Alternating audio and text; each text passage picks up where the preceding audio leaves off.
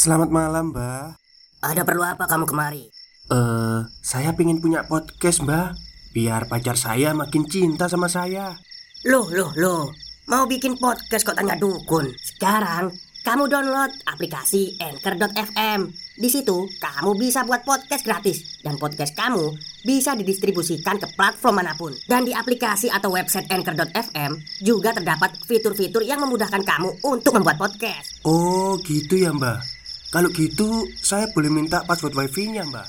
Buat apa? Buat download Anchor.fm, Mbak. Singkat cerita, waktu pun berlalu. Setelah dinikahi, Sekar tetap tinggal bersama orang tuanya. Ia tidak mau tinggal bersama Gendro, dan sesekali Gendro kerap berkunjung ke rumah Sekar untuk memberikan sesuatu seperti makanan dan obat-obatan. Meski tentu saja suasananya sangat canggung. Dan singkat cerita, sekitar dua bulan setelah Sekar dinikahi, tibalah di suatu hari yang menjadi awal berubahnya pribadi Sekar untuk selamanya. Dembung adiknya lah yang pertama melihat. Malam itu sekitar mungkin jam 12 malam. Demung yang belum tidur mendengar sedikit kegaduhan dari dalam kamar kakaknya yang kebetulan bersebelahan dengan kamarnya. Awalnya Demung tidak mempedulikan. Ah, mungkin tikus batinnya. Tapi tak lama kemudian muncul suara desisan. Sebenarnya suaranya tak begitu keras, namun karena malam itu sangat sepi, desisan itu jadi terdengar begitu jelas dan memecah keheningan. Demung mulai mendekatkan telinganya untuk mencermati suara itu. Setelah ia benar-benar yakin itu dari kamar kakaknya, Demung memutuskan untuk keluar dan memeriksanya. Awalnya, Demung hanya mendekatkan telinganya saja ke pintu kamar kakaknya, dan suara desisan itu masih ada dan memang berasal dari dalam kamar. Demung sempat ragu untuk membuka pintu kamar kakaknya, sampai akhirnya ia mendengar suara tertawa cekikikan dari kamar itu. Demung yang penasaran sontak membuka pintu kamar kakaknya dengan perlahan. Dan di sini, Demung melihat Sekar kakaknya tengah duduk ongkang kaki di atas lemari, sembari tertawa seraya mengelus-ngelus perutnya. Perasaan Demung waktu itu sulit untuk digambarkan ketika Demung melihat hal itu. Antara kaget, aneh, kasihan, dan takut itu bercampur menjadi satu.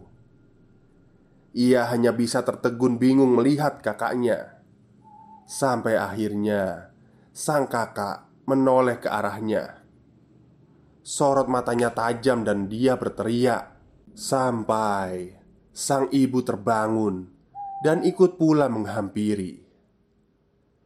Melihat itu ibunya mencoba berbicara dengan lembut Menyuruh Sekar untuk segera turun.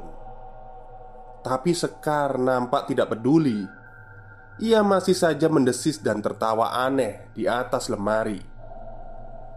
Ibunya tak henti menyuruhnya turun Begitu juga dengan Demung. Sampai akhirnya Sekar menoleh ke arah mereka berdua Dan meludah Mengenai wajah ibunya Seraya berkata Siapa kamu nyuruh-nyuruh aku? Kata Sekar dengan nada meninggi Dan disusul dengan tawa cekikikan. Sampai tak selang lama Sekar melompat Dan berjalan menuju ranjangnya ia pun tidur merebahkan tubuhnya dan tertidur begitu saja. Sungguh sangat janggal, apalagi lemari kayu jati itu tingginya tiga setengah meter. Rasanya tak mungkin ia bisa naik ke atasnya, meski dengan bantuan kursi sekalipun.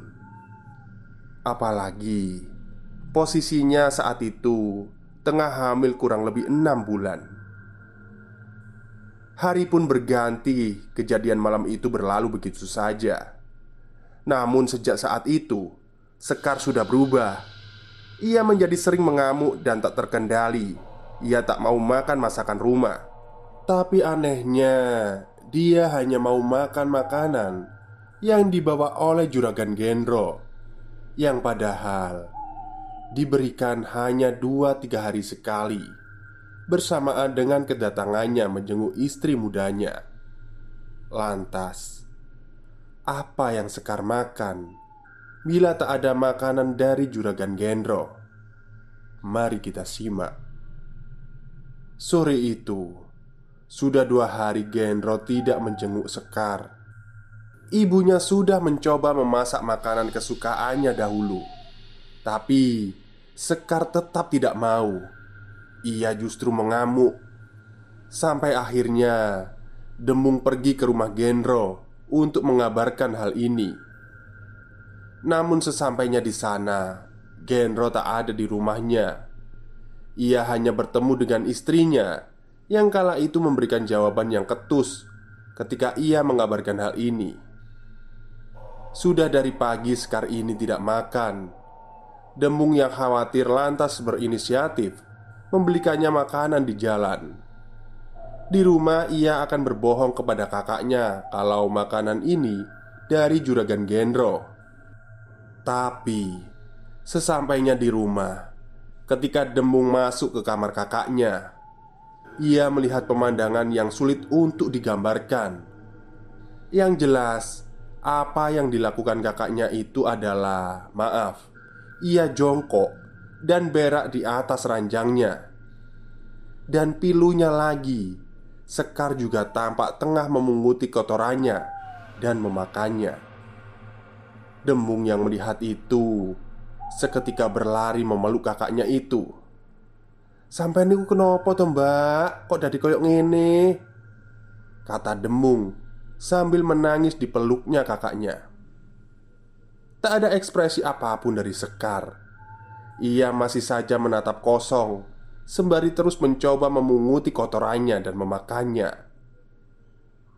Demung memanggil-manggil ibunya yang sedari tadi mengurus kambing di belakang rumah. Ayah Sekar juga kebetulan sedang berobat bersama sang paman. Jadi, keadaan rumah kala itu cukup lenggang. Tak selang beberapa lama, sang ibu menghampiri. Ia yang melihat keadaan itu langsung segera mengambil air untuk membersihkannya. Sementara Demung tengah memapa kakaknya menjauh dari ranjang. Dan beberapa saat kemudian Genro datang. Singkat cerita hari pun berlalu. Semakin hari Sekar semakin kehilangan kewarasannya. Ia sangat sulit untuk diajak berkomunikasi. Perangainya seperti seorang lelaki. Ia akan marah ketika dipanggil Sekar Makanya semakin banyak Genro pun terlihat semakin sering bolak-balik menjenguknya untuk mengantarkan makanan. Karena seperti yang kita semua tahu, Sekar hanya mau makan makanan yang diberikan oleh Gendro. Ia tak mau mandi. Duduknya seperti lelaki dengan perut besarnya yang selalu dibiarkan terbuka. Dengan keadaannya sekarang, pihak keluarga mengira Sekar mengalami gangguan jiwa. Tapi di sini Demung adiknya menyaksikan bagaimana perubahan kakaknya sulit menerima perihal itu. Pasalnya proses perubahannya itu tidak melandai atau sedikit demi sedikit, tapi drastis. Berawal cuma dari satu malam ketika tiba-tiba di tengah malam kakaknya berada di atas lemari sekitar tiga minggu yang lalu. Ditambah lagi, Sekar hanya mau makan makanan dari Gendro. Apakah itu tidak aneh? Apakah Gendro menaruh sesuatu yang jahat di makanannya? Jelas, kalau dirunut, Gendro sangat punya motif untuk melakukannya. Demung mencoba mengkomunikasikan pendapatnya ini kepada ibunya, tapi mereka masih tak percaya dan menyuruh Demung untuk tidak berpikir macam-macam. Namun suatu hari ada kejadian yang membuat orang tuanya Setidaknya berpikir tentang kebenaran pendapat si Demung. Begini ceritanya. Kira-kira dua bulan sudah Sekar mengalami keadaan yang masih diduga gangguan jiwa. Mesti keanehan-keanehan semakin muncul dalam dirinya Sekarang Sekar tak mau lagi dipanggil namanya. Ia selalu memperkenalkan dirinya sebagai Badak Sewu. Di kandungannya yang sudah menginjak kurang lebih 8 bulan ini Perangainya semakin seperti seorang lelaki. Waktu itu Pintu kamarnya sengaja dikunci dari luar. Ayah, ibu, dan Demung adiknya tengah duduk di ruang tamu. Di situ memang mereka sedang membicarakan Sekar. Membicarakan keadaannya yang kian hari kian memburuk. Mereka berunding mau diapakan Sekar ini agar bisa sembuh. Sang ibu dan Demung mulai menganggap ada campur tangan sihir yang membuat Sekar seperti ini. Sang ayah juga sedikit percaya karena ia melihat sendiri perubahan dari anaknya. Namun di sini sang ayah tetap ingin akan membawa anaknya ke jalur medis terlebih dahulu. Dan tiba-tiba di tengah obrolan mereka terdengar suara ketukan dari kamar Sekar. "Buka! Buka!" Suara berat seorang lelaki dari dalam kamar Sekar. Mereka semua sejenak terdiam dan tertegun dengan suara itu, karena jelas sekali itu bukan suara Sekar. "Buka! Buka!" Ketukan dan suara itu terdengar lagi. Mereka semua masih terdiam di ruang tamu. "Kalian itu dengar apa tidak?" Buka pintunya. Suara dari kamar Sekar. Dengan sedikit terbata Demung menjawab perkataan itu. Siapa itu? Kata Demung. Dan Sosok dalam kamar itu menjawab Aku badak sewu. Gak usah nyari Sekar. Dia sudah akan mati. Mendengar perkataan itu Sang ayah langsung beranjak dari tempat duduknya dan membuka kunci kamar Sekar. Setelah dibuka, dalam kamarnya memang gelap. Sang ayah melangkah masuk seraya memanggil-manggil nama Sekar anaknya, diikuti dengan Demung dan sang ibu di belakangnya. Namun, baru beberapa langkah mereka memasuki kamar itu Tiba-tiba saja ada seperti angin kencang yang mendorongnya. Sang ayah sempat sedikit terpental dan jatuh mengenai demung dan sang ibu di belakangnya. Di situ terlihat ada dua mata merah menyala di dalam kamar yang gelap itu. Berdirilah di atas ranjang sekar. Tubuhnya terlihat cukup jelas karena terkena cahaya dari ruang tamu. Sosok itu kini hanya diam tak berkata. Dan semakin jelas Ternyata pijakan kaki dari sosok itu berdiri adalah tubuh Sekar yang terbaring. Mereka bertiga seakan tak percaya melihat sosok itu. Sang ayah nampak ketakutan Dan memundurkan langkahnya.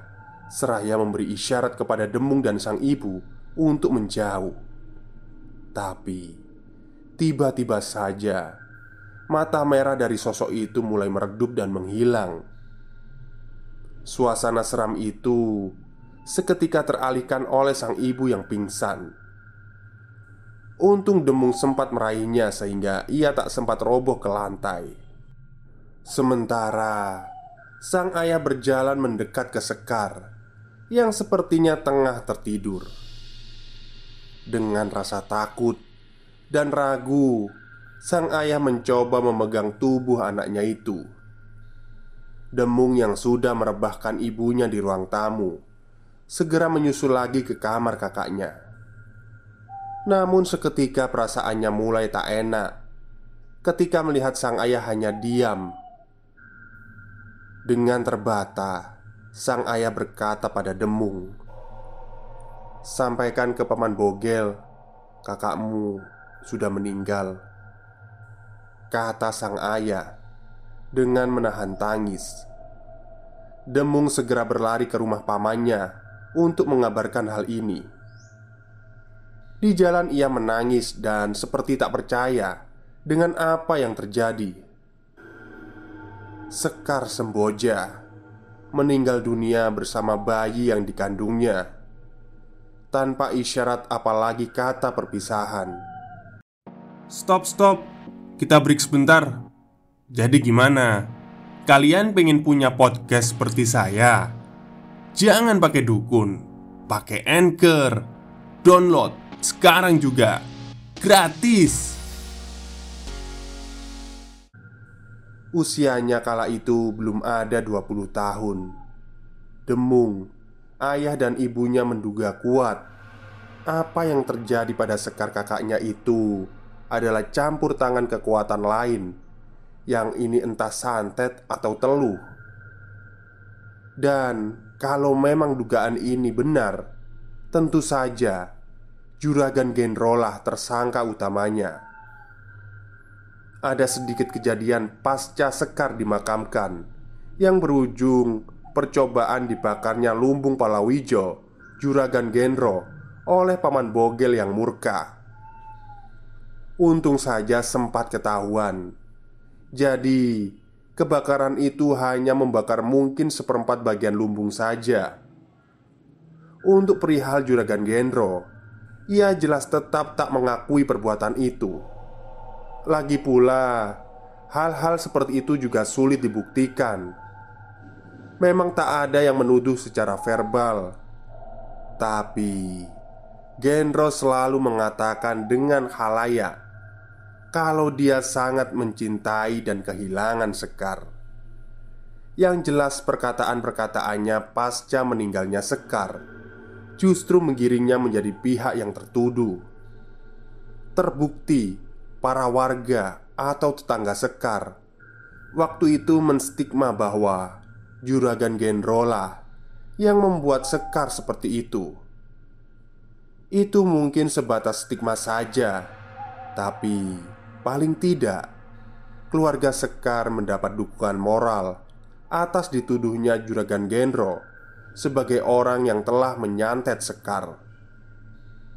Apakah Sekar benar-benar diguna-guna oleh Juragan Gendro atau memang hanya gangguan medis? Semua saya serahkan kepada para pembaca. Yang jelas, kira-kira dua tahun kemudian, Juragan Gendro menemui karmanya. Dia meninggal tersambar petir ketika tengah bermain merpati. Sekian. Baik, itulah sekelumit cerita dari tweet Twitternya Mas Agil Saputra.